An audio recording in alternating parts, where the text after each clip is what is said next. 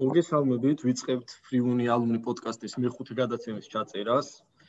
სიახლეს გაგაცნობთ, რომ ჩვენ უკვე ვართ Spotify-ზე და ვისაც გსურთ შეგვიძლიათ, რომ აუდიო პოდკასტად მოусმინოთ. აა მეც აღარ შევჩერ, აქ უბრალოდ შევჩერდები და ლევონს თქო წარადგინოთ ჩვენი სტუმარი და დავიწყოთ ჩვენი დისკუსია. აა კი ბატონო. ჩვენი სტუმარი არის ძალიან საინტერესო ადამიანი, რომლის მოწვევაც ძალიან დიდი ხანია გვინდა და ვფიქრობდით რა ფორმატში აჯობებდა მისი ჩაწერა. ჩვენთან ერთად არის ჩვენი მეგობარი მეგი ქარცივაძე, თავისუფალი უნივერსიტეტის მართვის სკოლის 2017 წლის კურსდამთავრებული. მეგი არის რუსეთის და საბჭოთა მეხსიერებების კვლევარი, ამჟამად მუშაობს ინფორმაციის თავისუფლების განვითარების ინსტიტუტში, არის მეხსიერების კვლევების და დეзинფორმაციის მიმართულების ანალიტიკოსი. ასევე მეგი არის მოწვეული ლექტორი თავისუფალ და აგრარულ უნივერსიტეტებში. მეგი ფლობს მაგისტრის ხარისხს ლონდონის საუნივერსიტეტო კოლეჯიდან რუსეთის კვლევების მიმართულებით და არის ბრიტანული ჩიუნინგის სტიპენდიის მფლობელი.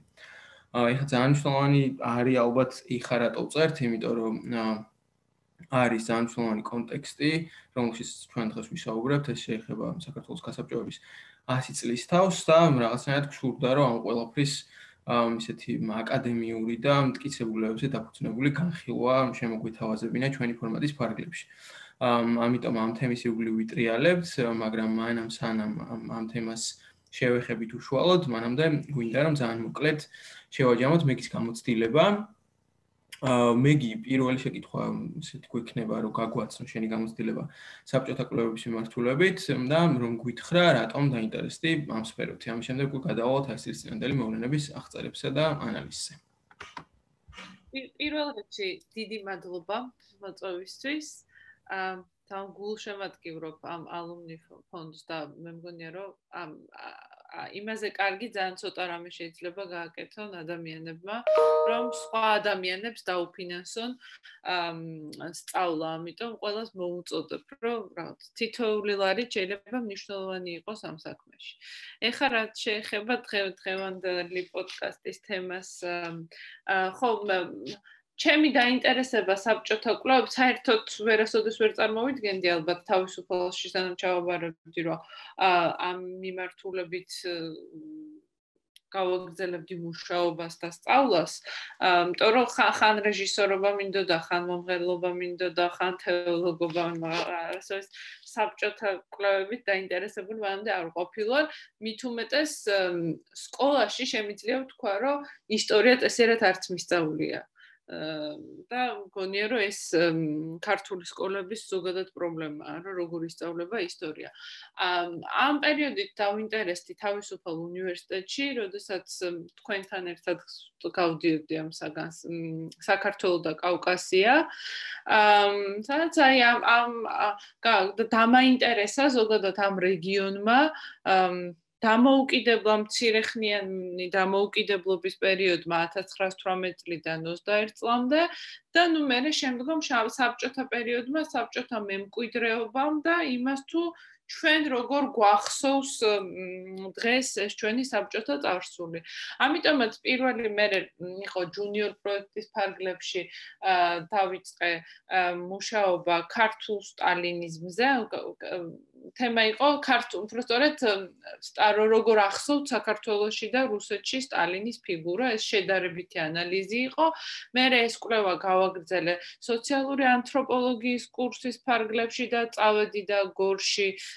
ჩავატარე ეთნოგრაფიული კვლევა, იქ შევხვდი სტალინისტებს და მათთან ინტერვიუები ჩავწერე. მე ეს ეთნოგრაფიული მასალა უკვე გამოვიყენე ჩემს საბაკალავრო ნაშრომში, სადაც ქართული სტალინიზმის პარადოქსულ ბუნებას ვიკვლევდი და ნუ აქედან მე რაღაცნაირად ისე მოხდა, რომ რაღაც ჩემი ხელმძღვანელი ვინც იყო ამ საბაკალავროს და ჯუნიორ პროექტის ნუცა ბათიაშვილი, თავისუფალი უნივერსიტეტის პროფესორი, მასთან ერთად რაღაც კონფერენციაზე წავედი, მე კიდე სხვა კონფერენციაზე აღმოჩნდი და ესე მოხდა რომ ამ სფეროთი დავინტერესდი თან ძალიან მნიშვნელოვანი იყო რომ აი ამ კვლევის და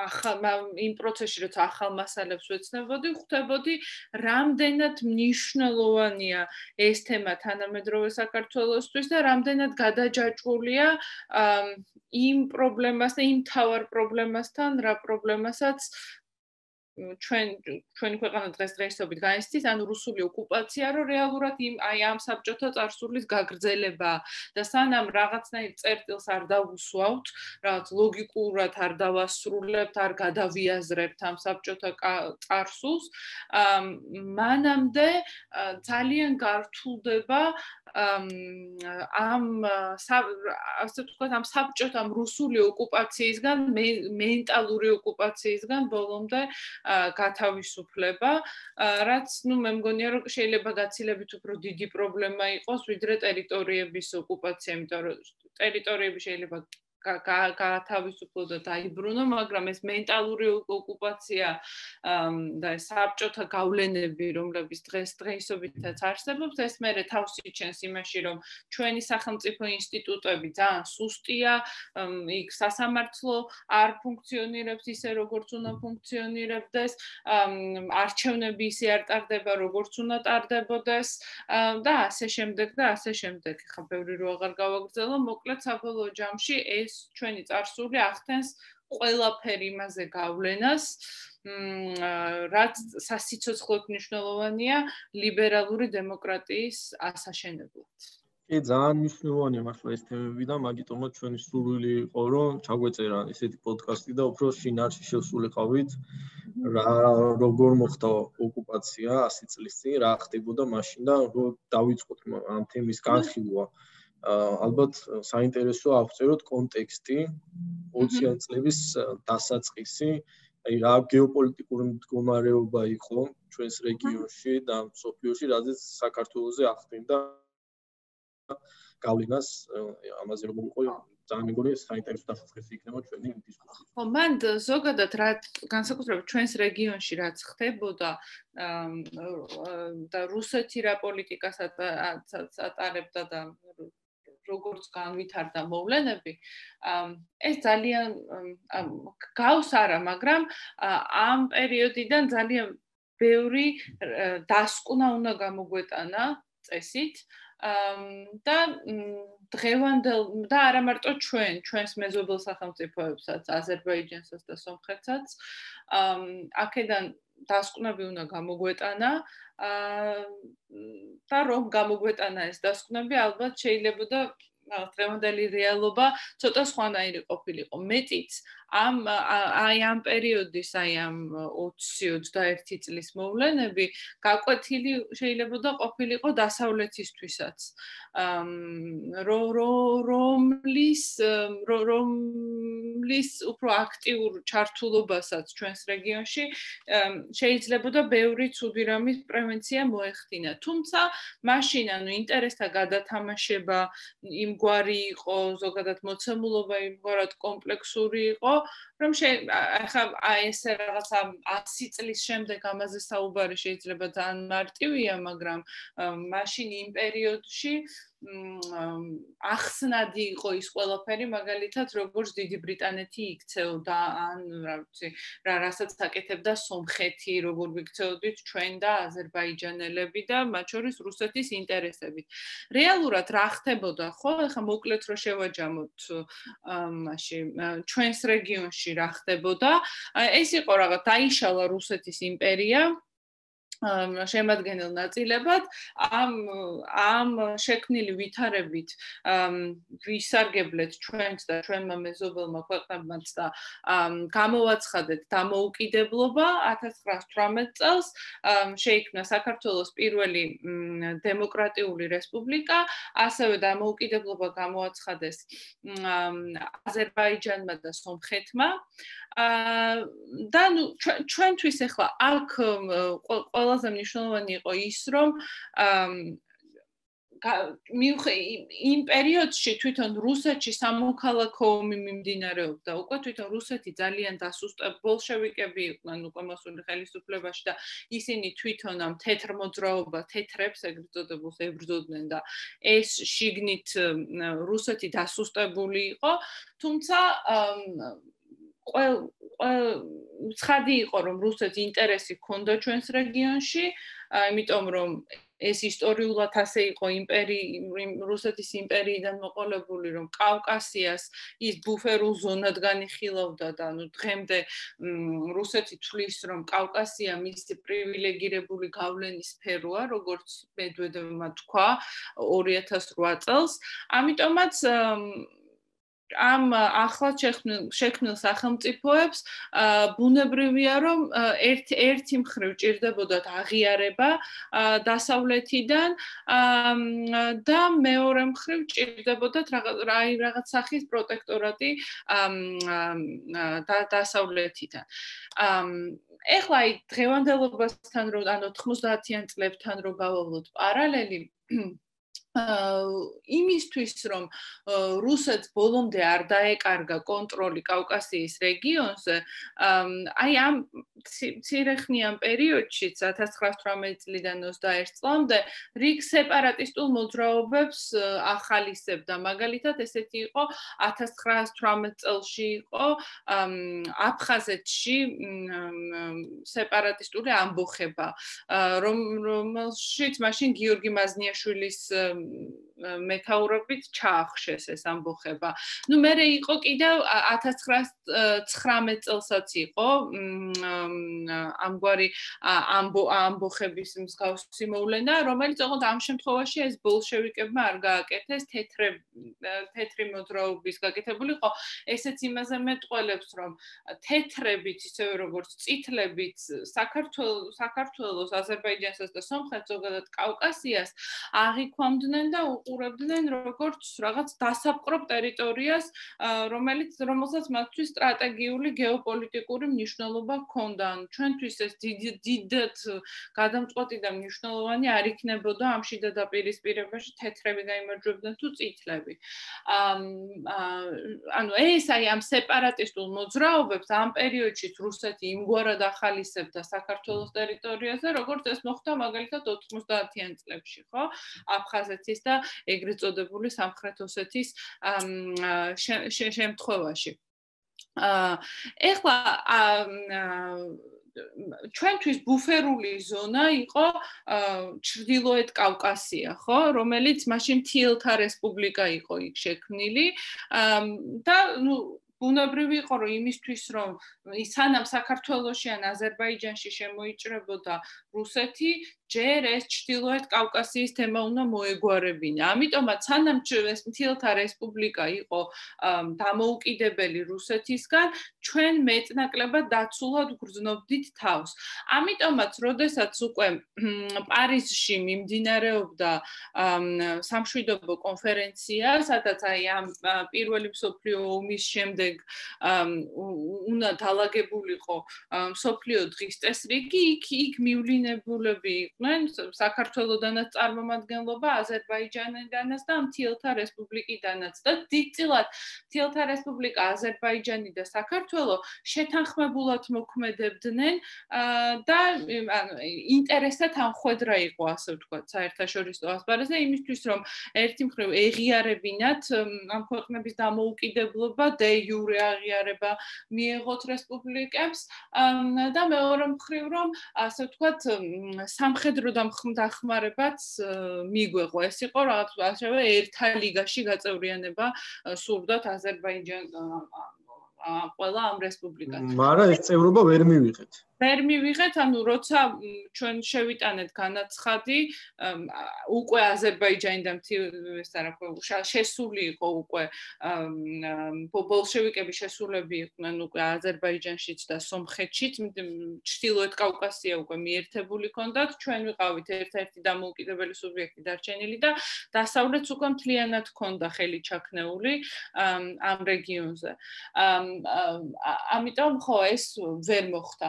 კიდე ერთი პრობლემა რაც იყო, იყო ის, რომ სომხეთ სომხეთთან ჩვენს გქონდა მცირეხნიანი სამხედრო კონფლიქტი.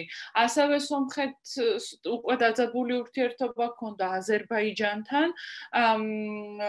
აქ აქ მნიშვნელოვანი ფაქტორი იყო თურქეთის ფაქტორი და აქედან გამომდინარე სომხეთი დამოუკიდებელი მოთამაშე იყო. ანუ ამ სამეულთან ერთად საქართველოსთან, თილთა რესპუბლიკასთან და აზერბაიჯანთან ერთად არ მონაწილეობდა ამ საერთაშორისო დონეზე მოლაპარაკებებში, ამ დამოუკიდებლად მოქმედებდა, რაც ამ კავკასიის ერთიანობას, ასე ვთქვათ, აფერხებდა. ამიტომ ესეც ერთ-ერთი ფაქტორი იყო, საიდანაც დღესაც კავკასიისთვის ეს ძალიან მნიშვნელოვანი პრობლემა არის, ის რომ ჩვენ აზერბაიჯანი და სომხეთი კვლავ ვერ ვახერხებთ იმას, რომ რაღაც ერთიანი საგარეო პოლიტიკა გქონდეს, იმიტომ რომ იქ აზერბაიჯანსა და სომხეთს შორის არის დაძაბული ურთიერთობა, ვიცით რომ გარკვეული ძალები სარგებლობენ მაგალითად დავით გარეჯის თემით იმისთვის, რომ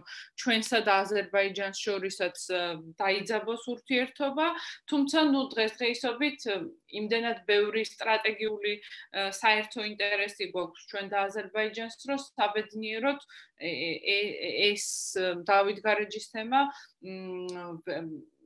ყოველ შემთხვევაში ჯერჯერობით და იმედია მომავალში ესე იქნება, რომ მნიშვნელოვანი დაძაბულობა არ გამოუწვევია. ამ თემას. აი ეს კავკასიის ერთიანობა, როსტორეთ დაქსაქსულობა მაშინაც პრობლემებს გვიქმნიდა და დღემდე პრობლემა არის. ხო, ეხა აქ მოკლედ ვიტყვი კიდე რომ რა იყო, რა ხდებოდა. იმის გამო რომ თვითონ რუსეთში სამოქალაქო ომი მიმდინარეობდა და აი ეს რეგიონი რეგიონი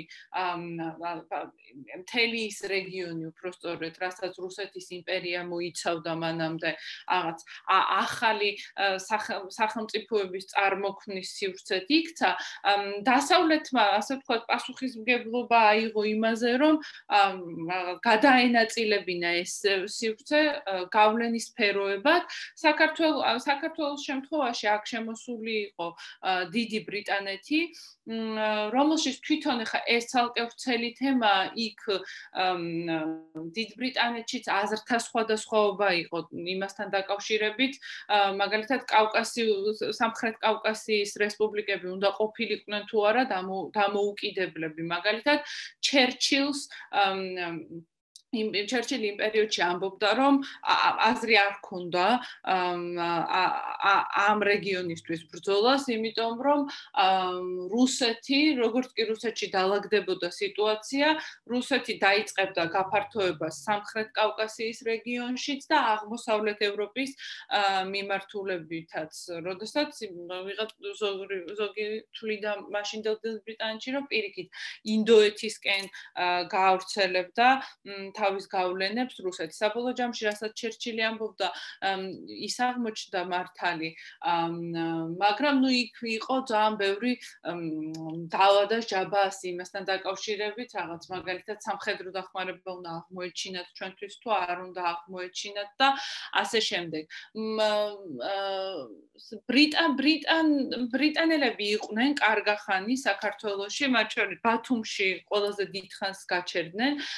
ბრიტანული ირანული ჯარები, თუმცა თვითონ ადგილობრივი მოსახლეობა დიდად კარგად არიღებდა მათ. ამას რამდენიმე მიზეზი ჰქონდა. ერთი ის, რომ გარდა იმისა, რომ რაღაც ბრიტანელი პოლიტიკოსების გარკვეული ნაწილი ჩვენს დამოუკიდებლობას უჭერდა მხარს, ერთ-ერთი მნიშვნელოვანი პრობლემა იყო ის, რომ ბრიტანელები ბოლშევიკების წინააღმდეგ ასევე მხარს უჭერდნენ ამ თეთრ მოძრაობას დენიკინის მეთაურობით, თუმცა როდესაც დენიკინი საომარ მოქმედებებს აწარმოებდა მაგალითად ჩრდილოეთ კავკასიაში, დიდმა ბრიტანეთმა რაღაც კაფიო ხაზები გაუვლო, რომ ისინი ისინი სამხრეთ კავკასიაში არ უნდა შემოსულიყვნენ.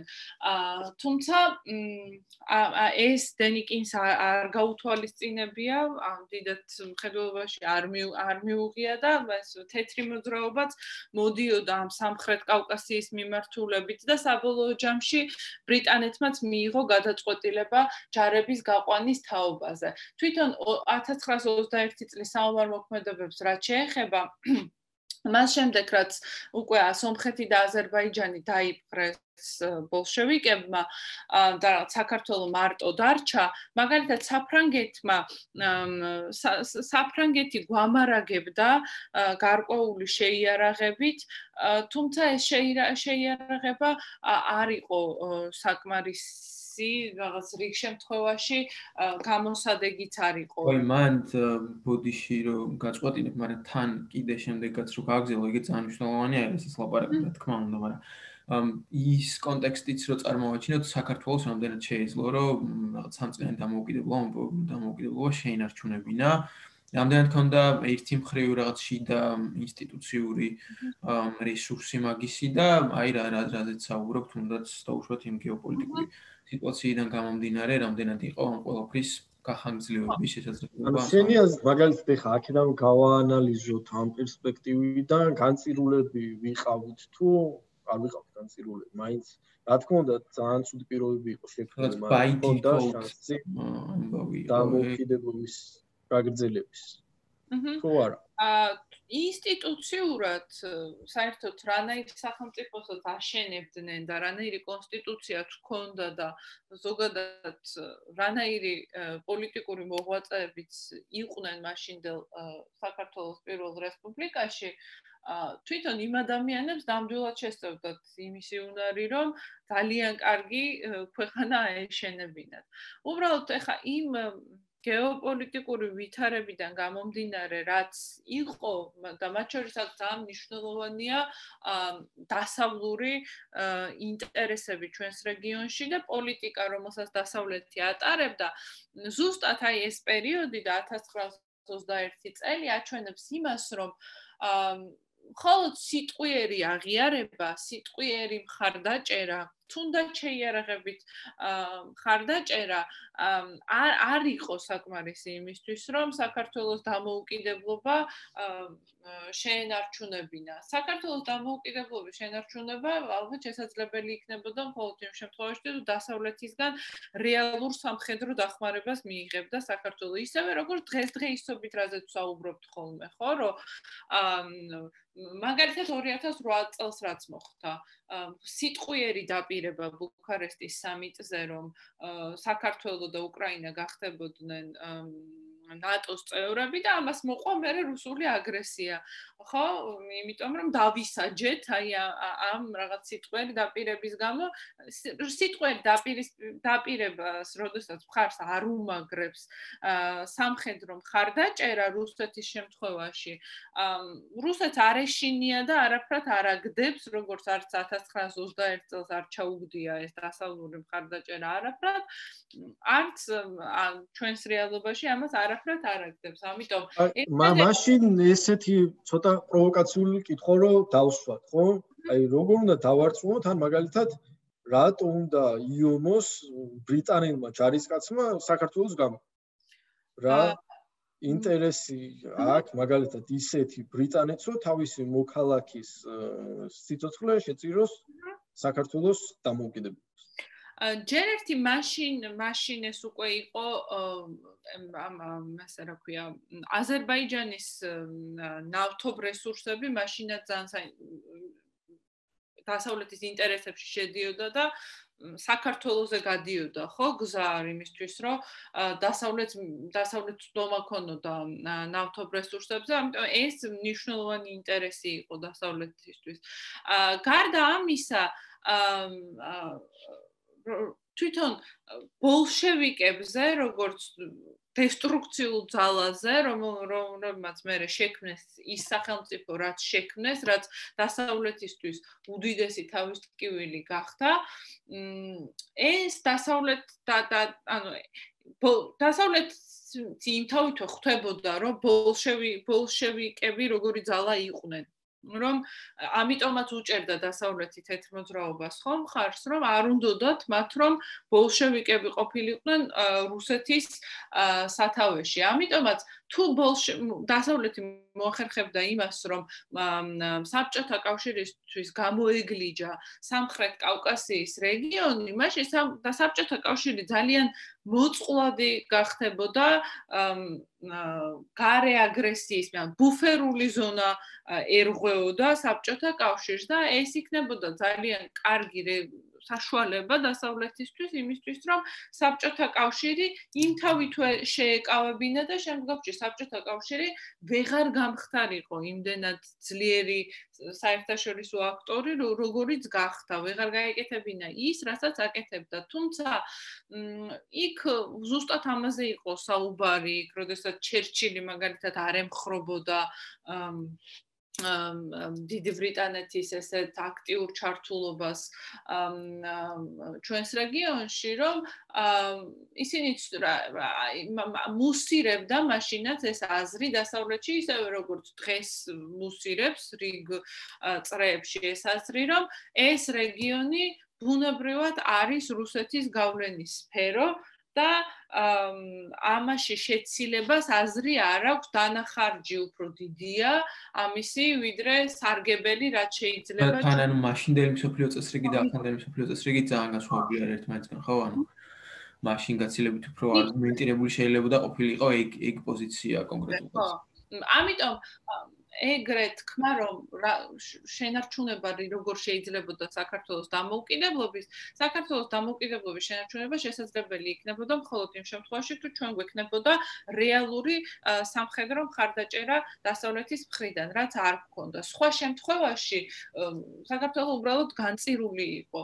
ეხლა თვითონ სამხედრო თვალსაზრისით რა რა თვითონ 21 წლის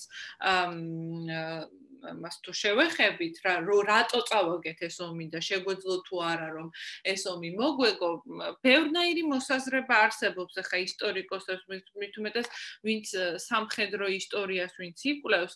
ნუ არის რომ ჩვენ აუცილებლად წავაგებდით ამ ომს იმიტომ რომ რაღაცა რუსული ჯარები რაოდენობრივად აღემატებოდა ქართულ ჯარს და ასე შემდეგ რეალურად ფრონტზე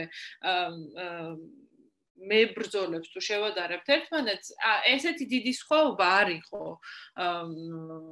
ამ წითელ არმიასა და ქართველებს შორის ჩვენ საკმაოდ ბევრი ჯარისკაცი ყავდა მობილიზებული, მაგრამ აქ პრობლემა იმაში იყო, რომ ე რაღაცა გათვლები ვერ მოხდა სწორად. პირველი ის რომ მანამდე იყო ცოტა ხნით ადრე 1900 თუ 20 წლის მე მგონი დეკემბერში ქართველებს ხელში ჩაუვარდათ წითელი არმიის გეგმა სამხედრო მოქმედებების გეგმა რომლის მიხედვითაც ქართველებმა დაასკვნეს, რომ რუსეთის სამხედრო მოქმედებების დაწყება საქართველოს წინააღმდეგ გეგმავდა 1921 წლის აპრილში. ანუ ეს დაშვება ემყარებოდა იმას, რომ ამ სამხედრო გეგმის მიხედვით რამდენი ჯარისკაციც უნდა ყოფილიყო მობილიზებული, ქართველებმა ჩათვალეს, რომ ამდენი ჯარისკაცის მობილიზებას ვერ მოახერხებდა რუსეთი აპრილამდე. და რეალურად სავარაუდოდ ასე იყო მართლა აპრილში მას იზამდა აპირებდა რუსეთის შემოსვლას და ამის გამო ქართველებმა რაღაც თებერვლის დასაწყისში დაი დაგეგმეს ახალწოურ ახალწოულები გაიწვიეს სხვები ანუ ვინც ჯარი ვინც ყავდათ მობილიზებული გაუშვეს ან არ არისო ჯარი თებერვალში. აა მობილიზებული პირიქით ახალწოულების წვრთნა დაიწყეს და ანუ მთლიანად ქართული სამხედრო სტრატეგია მომართული იყო იმისკენ რომ სამხედრო მოქმედებებისთვის ქართული ჯარი მზად ყოფილიყო 1921 წლის აპრილისთვის. მაგრამ რეალურად ეს სამხედრო მოქმედებები რუსეთმა დაიწყო თებერვალში იმიტომ რომ ასე ვთქვა, ჯერ ერთი ეს ნახა რუსეთმა რომ ქართული ჯარი არ იყო მობილიზებული ამ პერიოდში და მეორეც ერთი აქ იყო დასავლეთმა დაიწყო საფრანგეთისგან საქართველოს იღებდა შეიარაღებას და რუსეთმა ესეც გათვალა რომ რაღაც რა რაოდენო აპრილამდე საკმაოდ დიდი დრო იყო და აპრილამდე შეიძლება და საკმაოდ დიდი რაოდენობის შეიარაღება შემოსულიყო საქართველოში. ამიტომაც გარისკა რუსეთმა და აპრილამდე ორი თვით ადრე თებერვალში დაიწყო ეს სამხედრო მოქმედებები და თან ტაქტიკურად იმგვარად დაიწყო ეს მოქმედებები რომ ასე თქვა სომხეთის მხრიდან დაიწყო თავიდან და მთელი ქართული ჯარები გადაისროლეს ანუ ვისი მობილიზება უწევს საქართველოს მხარე მოახერხა მთლიანად გადაისროლეს სომხეთის მხარეს და ამასობაში წითელმა არმიამ დაიწყო აზერბაიჯანის მხრიდან შემოსვლა სადაც ფაქტობრივად არავინ არ დახვდა მათ და შემოისეირნეს საქართველოს ტერიტორიაზე. ან ტაქტიკურადაც ბევრი შეცდომა იყო დაშვებული. ხა მან სამხედრო ანალიზი ჭირდება ამას რეალურად ჩვენ შეგვეძლო თუ არა რომ თებერვალში ეს ოკუპაცია თავიდან აგვერიდებინა და არის რა არის როგორ გაკეთება შეიძლებოდა თუმცა აი ეს თავარი არგუმენტი რაც არის რომ ჩვენ რაოდენობრივად უფრო ცოტა ჯარი ყავდა ვიდრე რუსეთს ეს თვალ სიმართლეს არ შეესაბამება იმიტომ რომ სადღაც მე მგონი 10000 კაცი იყო სადღაც სხვაობა წითელ არმიასა და ჩვენს სამხედრო შენაერთებს შორის ფრონტზე იბრძოდა 50000 ჯარისკაცი რუსეთის მხრიდან და ჩვენ ჩვენგან წესით ჩვენ გქონდა 40000-ის რესურსი. ამიტომაც რა რაღაც დონეზე შეიძლება და ამისი პრევენცია მომხდარიყო სტრატეგიული შეცდომებით რომ არ ყოფილიყო დაშვებული. თუმცა თავარი პასუხი მაგ კითხვაზე დამოუკიდებლობის შენარჩუნებასთან დაკავშირებით ალბათ მაინც ის არის რომ დასავლეთისგან სამხედრო მხარდაჭერის გარეშე ალბათ შეუძლებელი იქნებოდა იმ გეოპოლიტიკურ ვითარებაში საქართველოს, აზერბაიჯანის და სომხეთის დამოუკიდებლობის გადარჩენა. საინტერესო არის. აი ხა რო ვისაუბროთ უშუალოდ დამდგარ შედეგზე, გასაბჭოებას და შემდეგ გასაბჭოების შემდგომ წინააღმდეგობის ან ხო წინამდებობის მოძრაობის ზოგადად განწყობაზე რა რომელიც არსებობდა საქართველოში ამ პერიოდის ამ ამ ფაქტის შემდეგ. ან როგორი განწყობები იყო როგორც ვიცით არსებობდა გარკვეული წინამდებობის მოძრაობები თავიდანვე რაღაც პატარ-პატარა ნიშნები ამის შენიშნებოდა რაღაც კონსოლიდაცია დაახლოებით ამისი მოხდა 1924 წელს მაგაზე რო გამომხულოთ ყურადღება და ზოგადად განწყობაზე რო ვისაუბროთ. ხო, აი ზოგადი აი საინტერესო ზოგადი მოქალაქეები როგორ შეხვდნენ, როგორ ხვდები რომ რაღაც სხვა ქვეყნის დაპყრობილი ტერიტორია ხარ და ასე რომ საინტერესო აი ოკუპანტის პირველი ნაბიჯები რა იყო, როცა შემოდის რა რასაკეთებს და ამ დროს ჩვეულებრივი ხალხის როლი რა არის და რასაკეთებენ და როგორ ხდება ტრანსფორმაცია მართლა ჩვეულებრივის თავისუფალი მოქალაქეების ან სამი წლის განმავლობაში თავისუფალი მოქალაქეების ხო იქ იქ ძალიან საინტერესო არის რომ მაგ სამმა წელმა რეალურად მან ძალიან საინტერესოა პირველი რაც გააკეთა რაც დაიწყეს ბოლშევიკებმა საქართველოში იყო ამ ასე ვთქვათ ანტი მენშევიკური პროპაგანდა და ამ სოციალ-დემოკრატიული პარტიის რომელიც საქართველოს პირველი რესპუბლიკის სათავეში იყო დემონიზაცია ანუ აქტიური პროპაგანდა მიმდინარეობდა ამ სოციალ-დემოკრატების წინააღმდეგ. ეს იყო ჟურნალ-გაზეთებით გავრცელებული ცნობები იმის შესახებ რომ აი სოციალ-დემოკრატებმა საცავები არ გახსნეს, იმ საცავებში რაღაც აკვების მარაგები იყო და ადამიანების შიმშილით ამოხოცეს, არ დაურიგეს პროდუქტები ადამიანებს და რო ისინი გაიქცნენ ქვეყნიდან როგორც მხდალები და ასე შემდეგ. ამ მთელი ეს პროპაგანდა მოედინებოდა ყველა საინფორმაციო არხიდან, რაც მაშინ არსებობდა, ხო? ეს ძირითადად ჟურნალ-გაზეთები იყო. ნუ რეალურად ის რომ საქართველოს პირველი რესპუბლიკის მთავრობა წავიდა ემიგრაციაში იყო სწორი გადაწყვეტილება, იმიტომ რომ ისინი ემიგრაციიდან ამ ემიგრაციაში წასვლის თავარი არსი მდგომარეობდა იმაში, რომ საერთაშორისო დონეზე საქართველოს კვლავ გათავისუფლებისთვის ბრძოლა გაიგრძელებინათ ამ ადამიანებს. რაც გაჭირდებოდა ბოლშევი საბჭოთა კავშირში დარჩენის შემთხვევაში.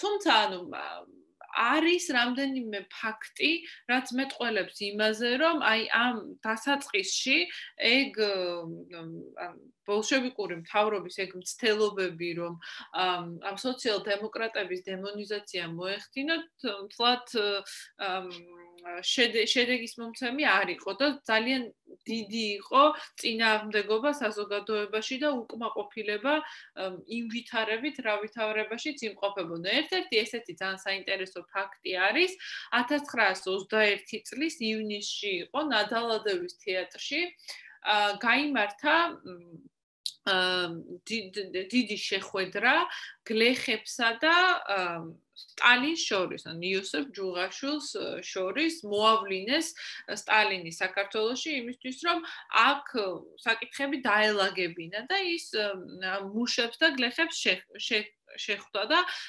როგორც ანუ ეს რაღაც სხვადასხვა მასალებიდან ირკვევა, აი ამ შეხვედრისას ძალიან ხშირად იყენებდა ესეთ მიმართვებს სტალინი ჩვენ ქართველები, ესე ლაპარაკობდა, ანუ ემოციურად ემოციური მის დამყარებას ცდილობდა ამ აუდიტორიასთან. თუმცა როგორც ვთქვათ, გადმოცემებით, როგორც ირკვევა აქ აქედან შეძა უარყოფითი შეძახილებით შეხვდა აუდიტორია სტალინს რაღაცა მათ შორის შეურაცხყოფელი შეძახილები იყო და მათ შორის ასევე ეს გადმოცემებიდან ირკვევა რომ მარტო ქართველები კი არ შეხვდნენ უარყოფითად სტალინს არამედ საქართველოსში მცხოვრები რუსებიც რაღაც მოგშორდი შენ და შენი წითელი არმია და ასეთ რაღაცებს ვაი ვაი ხო ეძახდნენ. და მე ან მან საინტერესო არის ის რომ ამის პარალელურად იგივე შეხვედრაზე იმავე ტრიბუნაზე ავიდნენ მეიშევიკებიც რაღაც მაგალითად ალექსანდრე დგებუაძე იყო ერთ-ერთი ესეთი, რომლებსაც ხა პირიქით პოზიტიური შეძახილები და ოვაციები შეხვდა იგივე აუდიტორია. ნუ საბოლოო ჯამში მაშინ ეს რაღაცა დამარცხებული წავიდა მაშინ სტალინის საქართველოსთან, მაგრამ მე 30-იან წლებში მთლიანად იყარა ჯავრი სავარაუდოდ ამ შეხვედრის გამო. ანუ რეპრესიები არ დაწყებულა ოკუპაციაში. კი, რეპრესიები, რეპრესიებს რაც შეეხება, რეპრესიებს რაც შეეხება, კი და უმთავრესად ესეც ეხებოდა რეპრესიები ეხებოდა სოციალ-დემოკრატებს. ერთ-ერთი პირველი რაც გააკეთა ბოლშევიკურმა მთავრობამ იყო ის, რომ ასე ვთქვათ, ეს მარტო საქართველოსში არ მოხდა, თან მაგალითად უკრაინაშიც გააკეთა იგივე საბჭოთა ხელისუფლებამ. ეს იყო ის, რომ მოაწყო ვითომ სოციალ-დემოკრატიული პარტიის შეკრება.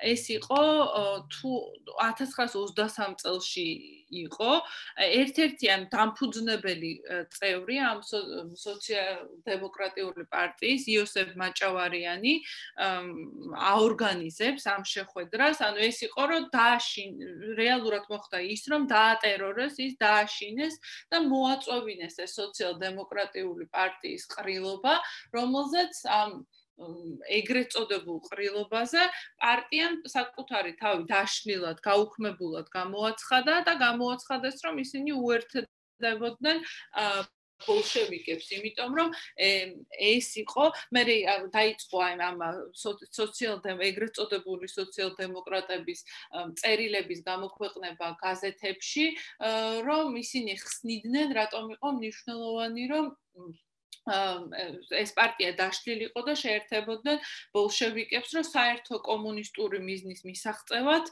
ეს იყო ერთადერთი სწორი გზა. და აი აი ამ გზით, რომ ეს ტერორის გზით დამფუძნებელი წევრები, რომელიც დარჩა საქართველოში, მაშინ და არ წავიდა კანონიერ ხელისუფლებასთან ერთად ემიგრაციაში, პირველი იყო ის, რომ ეს ადამიანები დააშინეს და და დააშლევინეს პარტია. იგივე მოხდა სომხეთში დაშნაკების შემთხვევაში და უკრაინ უკრაინ უკრაინული ხელ პარტიების შემთხვევაში. დაიწყო რომ ეს პარტიები ვითომ იშლებოდა და უერთდებოდნენ ბოლშევიკებს. მე თან მან ძალიან საინტერესო და ძალიან ესე ტრაგიკული ამბავი არის ის რომ მაგალითად იოსებ მაჭავარიანი რომელიც აიძულეს რომ ეს ყრილობა მოეწვია იოსებ მაჭავარიანი 1927 17 წელს რეპრესიებს ემსხვერპლა დახვრიტეს. ანუ სასაბოლოო ჯამში აი ეს ვითომ ვინც გადაიბირეს ამ დაშინების გზით ის ადამიანები მაინც ვერ გადაურჩნენ. ამ 27 წელს ზოგადად თავისივე რიგების წმენდა მოაწყეს ესე არის ძირითადად. ხო, ესეც იყო და ეხლა მან ნუ გარდა ამისა, ეხლა უკვე თვითონ რაც შეეხება 1924 წლის აჯანყებას, ამაზეც რო ვთქვათ, იმ თავითვე იქიდან ეს თავისთავად ეს 24 წლის აჯანყებაც და 24 წლის აჯანყება სანამ იქნებოდა მანამდეც იყო აჯანყებების მცდელობები საქართველოში ეს მე ესეც მეტყველებს იმაზე რომ საზოგადოება არ ეგუებოდა ამ საბჭოთა ოკუპაციას და საკმაოდ მძლავრი იყო წინააღმდეგობა საქართველოში ამ ბოლშევიკური მართლობის მიმართ. და ის ადამიანები, რომელსაც გამოაშკარავდა ხოლმე ჩეკა ამ პერიოდში, რომ რაღაც კავშირში იყო ამ მიწისქვეშა მოძრაობებთან და მათ შორის იყო რაღაც მაგალითად ქაქუცა ჩოლოყაშვილი ტყეში გასული მებრძოლები, მებრძოლები, ამათთან კავშირში ვისაც გამოავლენ და ის ადამიანები იმ თავითვე 1921 წლიდან მოყოლებული უკვე იდევნებოდნენ, იჭერდნენ გადაასახლებდნენ ან ხრეტდნენ. რა ვიცი, ყველაზე ცნობილი ესეთი შემთხვევა არის ამბროსი ხელაია, ხო? საქართველოს კათოლიკოს პატრიარქი, რომელიც დაიჭირეს იმის გამო რომ საერთაშორისო საზოგადოებას მიმართა მან წერილით რომ ქართველი ხალხი არ ეგუებოდა ამ საბჭოთა ოკუპაციას და ითხოვდა მხარდაჭერას ამ საერთაშორისო საზოგადოებისგან. ესეც ამაზე მეტყველებს, ხო? ცნობილი შემთხვევა რაც არის. ნუ მე იყო ეხა შეგვიძლია გადავიდეთ ამ 1924 წლის აჯანყებაზეც რომ ვისაუბროთ. ამ 1924 წლის აჯანყება საერთოდ ძალიან საინტერესო მოვლენა თვითონ მიუხედავად იმისა, რომ ჩვენ შეიძლება ახლა ჩავთვალოთ და მაშინაც ბევრი თვლიდა ასე, რომ ეს 1900 ეს ეს აჯანყება და აჯანყების მთელობა იმ თავითვე განწირული იყო, იმიტომ რომ ეხა რაღაც ესეთი პარტიზანი მებრძოლები ვერ გაუწევდნენ იმდენად დიწინააღმდეგობას საბჭოთა არმიას, რომელიც უკვე საკმაოდ მოძლიერებული იყო ამ პერიოდში. კოორდინაცია ძალიან დაბალ დონეზე ერთი დღით ადრე. ხო, ბევრი რამე მეტყველებდა მაგაზე, თუმცა ის რომ მან რა მოხდა? ხო ახლა მანამდე აჯანყებებს რო თავი დავანებოთ მანამდე რაც ხდებოდა. 1924 წლის აჯანყება უნდა მომხდარიყო.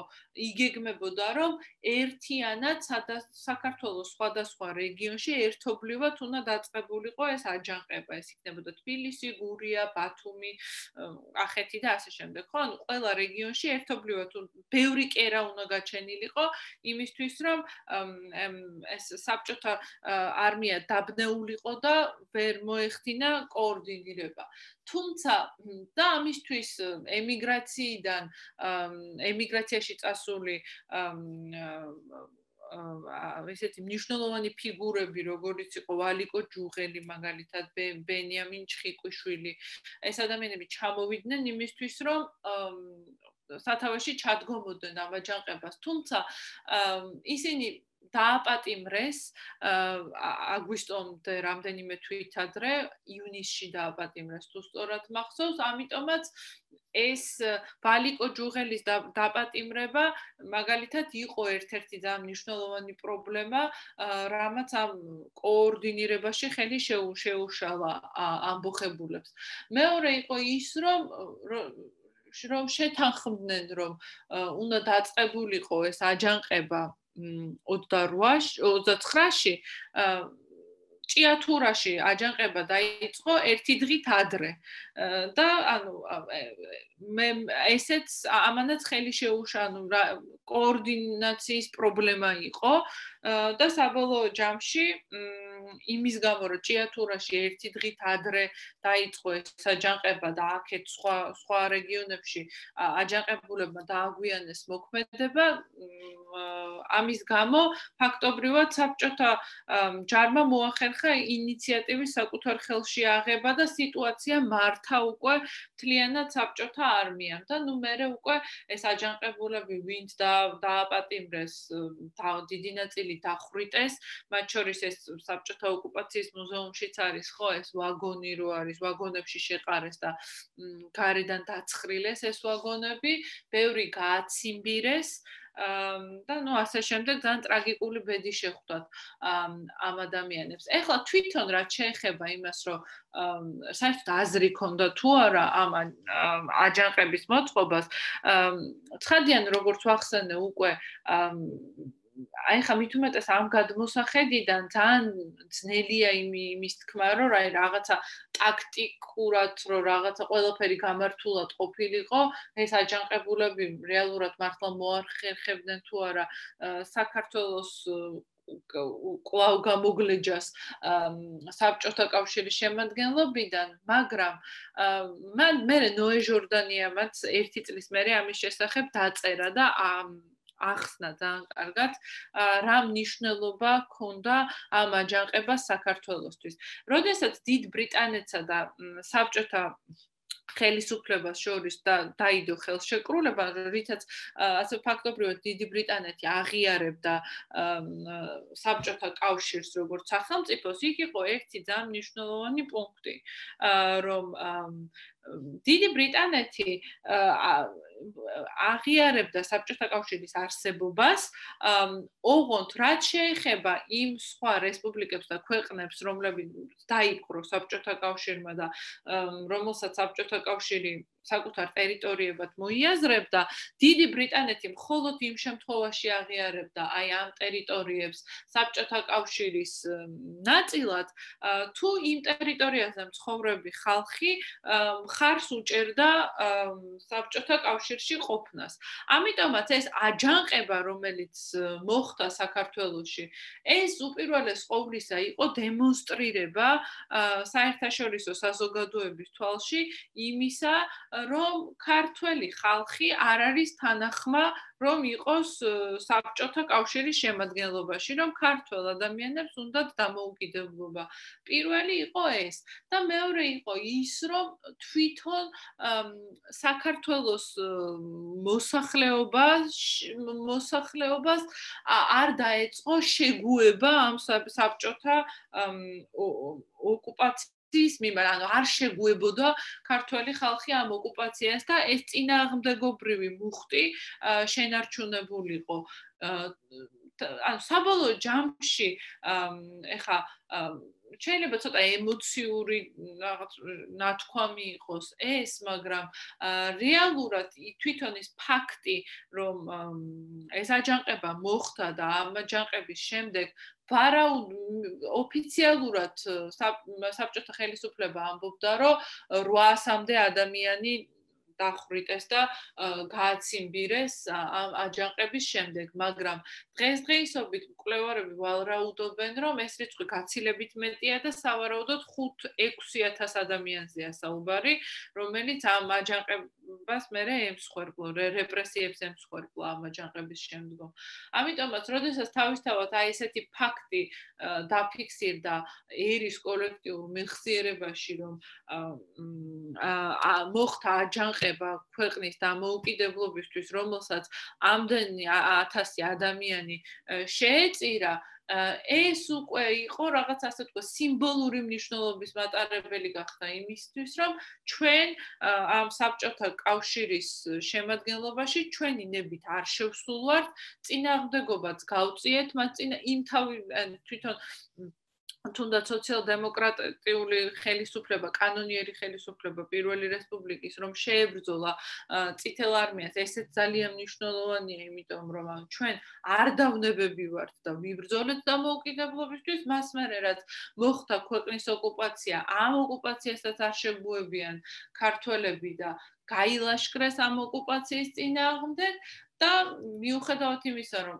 ძალიან დიდი მსხვერპლის შედეგად მოხდა ეს ყველაფერი საბოლოო ჯამში საერთაშორისო საზოგადოებასაც აჩვენეს ის რომ საქართველოს ამ აღიარებული უკვე სახელმწიფოს შემადგენლობაში საკუთარი ნებით არ იყო და ეს ქართველი ნების ქართველი ხალხის ნების გამოხატულება არ იყო.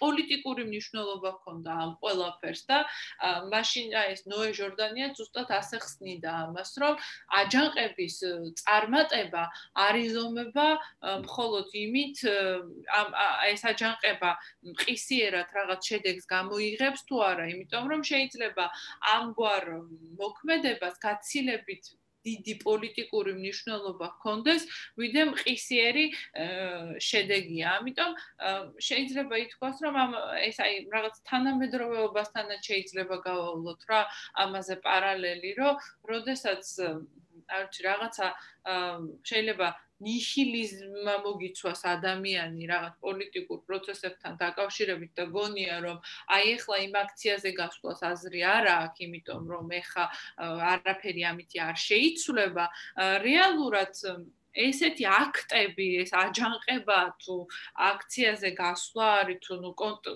გააჩნია ხო სიტუაცია რას მოითხოვს იმ შემთხვევაში შეიძლება გრძელვადიან პერსპექტივაში გაცილებით დიდი ინვესტიცია იყოს ამ ესეთი პოლიტიკური აქტები, ვიდრე რაღაც მყისიერი შედეგი იქნებოდა. ანუ ის რომ მე მე ხა აქციაზე გასვლით ხვალ ვერაფერს ვერ ვცვლი, ეს არ ნიშნავს იმას, რომ რომ ჩემი აქციაზე გაცვლით გრძელვადიან პერსპექტივაში რაღაც მნიშვნელოვანს ვერ ვცვლი. თუნდაც იმას, რომ საერთაშორისო საზოგადოებას რაღაცას ვანახებ, რომ ამ ქვეყანაში მაგალითად აი ამ რაღაცა უსამართლო სასამართლოს მიმართ არსებობს მიუღებლობა საზოგადოებაში, ხო?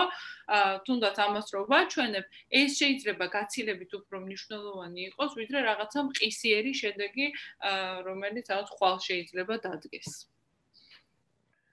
კი ბატონო. აა მითხრებით ყველაფერს და ძალიან საინტერესო არის ის რაც ახლა ვისმენთ. ჩვენ შევეხეთ გასაბჭოების პროცესს პრესაბჭოთა პერიოდს სამწლიან დამოუკიდებლობას საქართველოსას და ამის შემდეგ მოდის ძალიან დიდი და უცელი პერიოდი.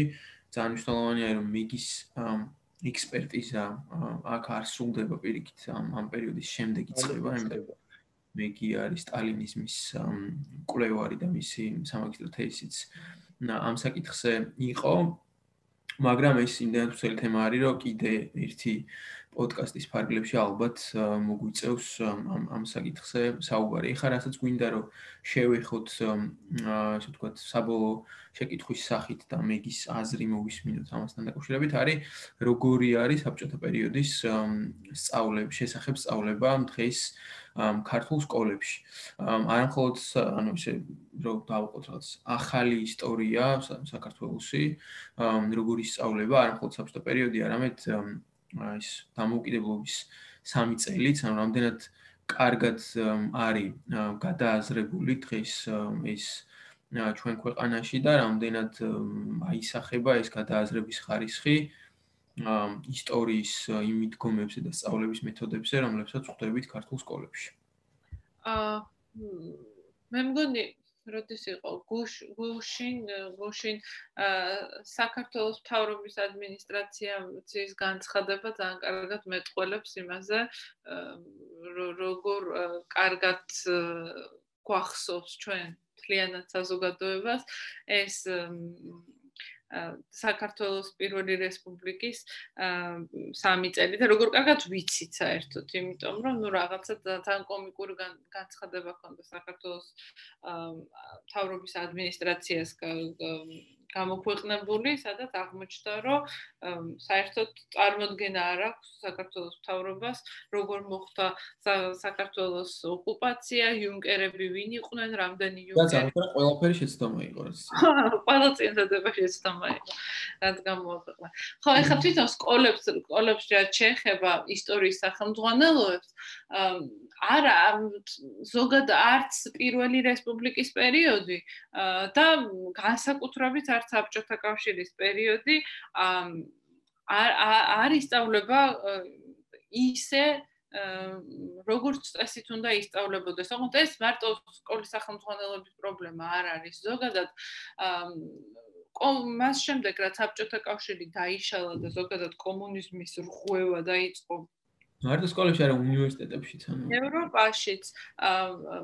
მაგალითად ბალტიის ქვეყნებმა რაც გააკეთეს და ასევე აღმოსავლეთ ევროპის ქვეყნებმა მაგალითად პოლონეთმა უნგრეთმა რაც გააკეთეს ეს იყო რომ პირველი იყო ის რომ მათ დაიწყეს აქტიური მუშაობა აი ამ ტოტალიტარული წარსულის ხელახლა შესწავლაზე და გადააზრებაზე. აა ეხლა კიდე არქივი აქვს ისე დაცული რომ მე მგონი ვერც ნახავ საბჭოთა არქივს. ეს იყო რომ არ საარქივო დოკუმენტების პირველ რიგში კგბ-ს დოკუმენტების გასაჯაროება და გახსნა, ლუსტრაციის პროცესის დაწყება, საკანონმდებლო ბაზის მომზადება ამ ლუსტრაციის პროცესისთვის, ახალი მეხსიერების ადგილების შექმნა მასობრივი სამარხების კვლევა მაგალითად სხვერპთა რეაბილიტაცია ეს არის ჩვენთან ყველაზე კომიკური რამ რომ ჩვენთან საქართველოში დღეს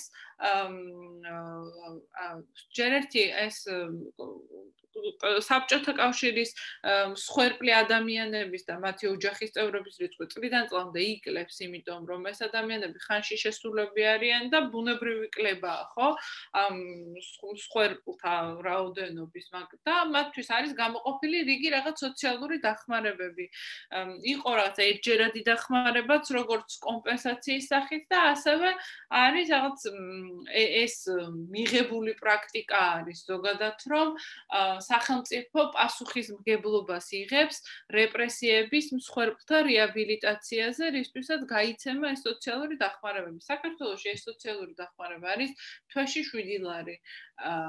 და ესეც ძალიან კარგად მეტყველებს იმაზე, რომ რამდენად საერთოდ არ მიიჩნევს თანამედროვე ქართული სახელმწიფო ამ თემას მნიშვნელოვნად.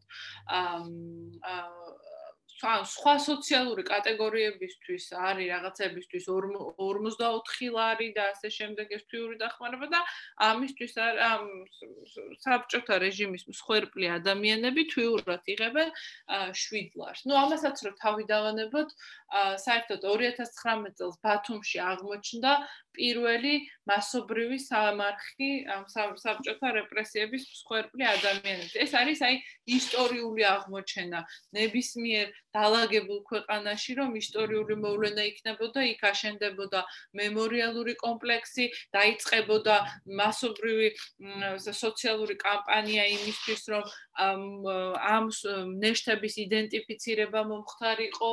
ასევე დაიწყებოდა მაგალითად პოლონეთში იყო ეგეთი პრაქტიკა რომ ეს მასობრივი სამარხი რო აღმოაჩინეს სახელმწიფომ წამოიწყო აქტიური კამპანია იმისთვის რომ ვინც იცოდა რომ მისი წინაპარი იყო რეპრესიების მსხვერპლი ჩაებარებინა დნმ მასალა რომ დაედარებინათ და ეპოვათ იდენტიფიცირება რომ მომხდარიყო მოკლედ ამ ნეშტების. ჩვენთან 2019 წლიდან დღემდე საერთოდ არ დაძრულა.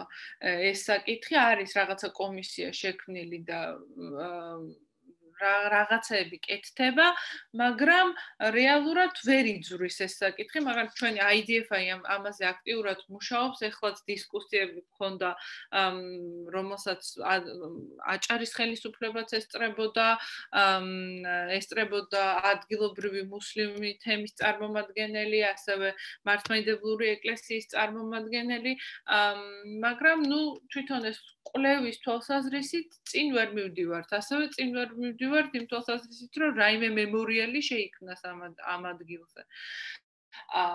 ესეც ანუ კომპლექსური თემა არის ეს რომ მარტო ისტორიის სახელმძღვანელოებში რომ დაჯდნენ ისტორიკოსები და კარგად დაწერონ ეს პირველი რესპუბლიკის ისტორია თუ საბჭოთა კავშირის ისტორია ეს არ არის საკმარისი იმისთვის რომ ეფექტური მეხსიერების პოლიტიკა ვაწარმოოთ საბჭოთა წარსულის გადააზრების თვალსაზრისით. ძალიან კომპლექსური თემა რომელიც როგორც საკანონმდებლო, ასევე საგანმანათლებლო, ასევე კულტურულ და სამეცნიერო დონეზე მოითხოვს კომპლექსურ მიდგომას. და თვითონ სკოლებში სწავლებას რაც შეეხება, ეგ ძალიან დიდი პრობლემა არის, იმიტომ რომ ერთი არის რას ჩავ, მაგალითად შეიძლება მივაღწიოთ იმას, რომ შევცვალოთ ისტორიის სახელმძღვანელოები, მე მეტი ადგილი დაეთმოს ამ სახელმძღვანელოებში, მაგალითად. მარტო სახელმძღვანელოც ხო არა, თან სახელმძღვანელოს კი კიდე ეს უნდა მასწავლებელი. აი მაგ მაგას ამას ასწავლებს. იქ რას ჩავწერთ და მეორეა მასწავლებელი რას ასწავლის, იმიტომ რომ ეხა მქონდა ზუსტად სკოლის მასწავლებთან მქონდა რაღაც შეხვედრა რამდენიმე დღის წინ ესეთი ონლაინ შეხვედრა და საუბრობდით რუსულ პროპაგანდაზე მათ შორის როგორც საბჭოთა კავშირის მემკვიდრეობას რა გავლენა აქვს? რუსულ პროპაგანდაზე და თვითონ ამ მოსწავლეებმა მოყვეს ძალიან ბევრი მაგალითი. მათი მასწავლებლები როგორ არიან? აი ამ იგივე პროპაგანდის გამტარებლები სტალინისტი მასწავლებლები რომ რომლებსაც რაღაც მოსწავლეებს ასწავლიან რომ სტალინი ძალიან დიდი ქართველი იყო და ძალიან უყვარდა საქართველოს და ქართველი პატრიოტი იყო ხა რა ამ შემთხვევაში როგორ უნდა მოვიქცეთ ესეთ მასწავლებლებთან დაკავშირებით? ან თართულია რომ ათასობით მასწავლებელი და ვერც დაატრეინინგებ ხა როცა მასწავლებელს ამისი ჯერა და მის გონებაში ასეა დალექილი რომ სტალინი კარგი ლიდერი იყო ხა არ ვიცი რა ტრეინინგი უნდა ჩაუტარო რომ ეგ შეაცვლევინო. ამიტომ ეგ ძალიან კომპლექსური პრობლემაა, რომელიც ნუ ერთი მხრივ ალბათ დრო დრო რაც მეტი დრო გავა ახალი გვარებადი არის ეგეთი ეგეთი პრობლემა არის რა, ანუ რაღაც კონკრეტულ მიმართულებებს შეიძლება რა კონკრეტული გადაწყვეტები მოიძებნოს ხედვის კომის შემთხვევაში ყველაზე დიდი პრობლემა მაინც მქონი ეგ არის რა სა სა სა აჰა ანუ ეს ეს საბოლოო ჯამში პასუხი ეგ არის, რომ რაღაცეები არის, რომ მოკლევადიან პერსპექტივაში შეიძლება რომ მოგვარდეს და გამოსწორდეს, მაგალითად, პირობითად რომ ვთქვა, შეიძლება ეს მასშტაბლებლების გადამზადება თუ ვერ ხერხდება მოკლევადიან პერსპექტივაში, შესაძლებელია მაგალითად იმის გაკეთება, რომ სტალინის სახლ-მუზეუმი არ იყოს რაღაც სტალინიზმის კერა, ხო? არა, მე ისეთი შთაბეჭდილების ქვეშ ვიყავ, გორში რო ვიყავი, რომ მე მაგას აიგრე დავტოვებდი, როგორც ცალკე მუზეუმის მუზეუმად. ანუ ეს არის საოცარი ადგილი საქართველოს ყველა სულჩო რომ მივიდეს და ნახოს ძალიან განსაკუთრებული ადგილია მართლა. ხო, და ის რა არის ძალიან ბევრი რამის გაკეთება შეიძლება რაღაც თუნდაც ეს სამარხებზე რაც თქვი, რომ არ შეიძლება ეს ესეთი მნიშვნელოვანი აღმოჩენა ესე ყურადღების მიღმა იყოს დარჩენილი. არ შეიძლება რომ საარქივო ისედაც მაგრამ არქივებზე საარქივო საქმიანობა საქართველოს საკმაოდ ძვირიჯდება, იმიტომ რომ რაღაც არ ვიცი, ერთი მარტივი რეგულაცია შესაძლებელი, რომ კვლევარებს კონდეთ იმის უფლება, რომ არქივში გამოიყენონ პირადი ფოტო გადაღება. იმისთვის რომ ყველაფრის ფოტო აზლში ფული არ იხადონ, იმიტომ რომ ხანდახან გჭირდება 1000 1000 გვერდი გჭირდება იმისთვის, რომ რაღაც კონკრეტული საკითხი დაამუშავო და ერთი გვერდის გადაგზა რო ხდება, რომ ერთი ლარი ღირს, გამოდის, რომ 1000 ლარი უნდა გადაიხადოს. რის საშუალებად საქართველოსში ხა არ ვიცი რომ რომელ კლევარს აქვს და მარტივია რომ დაუშვას კანონმდებლობამ არქივში ფოტო გადაღება, რაც რა ვიცი, ბრიტანეთის არქივებში მაგალითად ნებადართულია, მაგრამ რატომღაც საქართველოს იუსტიციის სამინისტრო თვლის, რომ ეს ფოტო გადაღება საარქივო მასალებს დააზიანებს. ამიტომ რაღაც ესეთი მარტივი რაღაცების შეცვლა ხომ არის შესაძლებელი მოკლევადიან პერსპექტივაში. ამიტომ პირველ რიგში აქედან უნდა დავიწყოთ წესით და საბოლოო ჯამში მე იმ გრძელვადიან პერსპექტივაში ისიც შეიცვლება რომ იგივე მასშტაბლებად ახალი თაობა წამოვა ხო რომლებიც სხვანაირად ასწავლიან ისტორიას ნამდვილად და მაგის საწყისი არის საუბარი ამ ამ საკითხზე პირველ რიგში რაღაც პრობლემის დასმა, გააზრება, ამას ემსახურებოდა ჩვენი დღევანდელი პოდკასტი. და მე მგონი შეასრულა კიდევაც, ვინც კი ნამდვილად და მე ისანი ხო რაღაც ხა ამ თემას ჩვენ ბოლომდე კომპლექსურად თან ამ ფორმაციულ ნებრივით დავფარავთ. რაღაც გვინდოდა რომ გაგვიხსენებინა ის პერიოდი დასაწყისი პირველი წლები და დღევანდელ დღევანდელობაზე რეფლექსიაც შემოგვით შეგვეთავაზებინა ჩვენი მაყურებლისთვის და შეგვეხსენებინა რომ ის საკითხი მით უმეტეს ამ დღეებში არ არის რაღაც შინაარსისგან დაცლილი საკითხი, ან პირიქით ამის უკან დგას რაღაც მნიშვნელოვანი აა თემები, რომლებიც უნდა ვიცოდეთ ყველამ აუცილებლად და ასე ვთქვა ძალიან მნიშვნელოვანი არის ესეთი საკითხები, განსაკუთრებით ისეთი ადამიანებისგან მოსმენილი, რომლებიც ამ საკითხში ერკვევიან და ესეთი იყო მეგი, რომელიც რომელსაც აქვს ძალიან ისეთი კომპეტენტური თემცოდნა ამ თემების ირგვლივ. ამ დიდი მადლობა მეგის ვინც მადლობა. აა მე მგონი საინტერესო პოდკასტი გამოგვივიდა, ხო ვინც გვიყურებს YouTube-ზე და ამდენი ხანი შემორჩათ ხოლმე რომ გამოიწე რომ ჩვენი რომ ევს მიუწვდეთ და არ გამორჩენ ჩვენგან ვიდეოები Facebook-ზე დაგვალაიკეთ და თვალი ადევნეთ ალუმნი ფანდის საქმიანობას დიდი მადლობა. მადლობა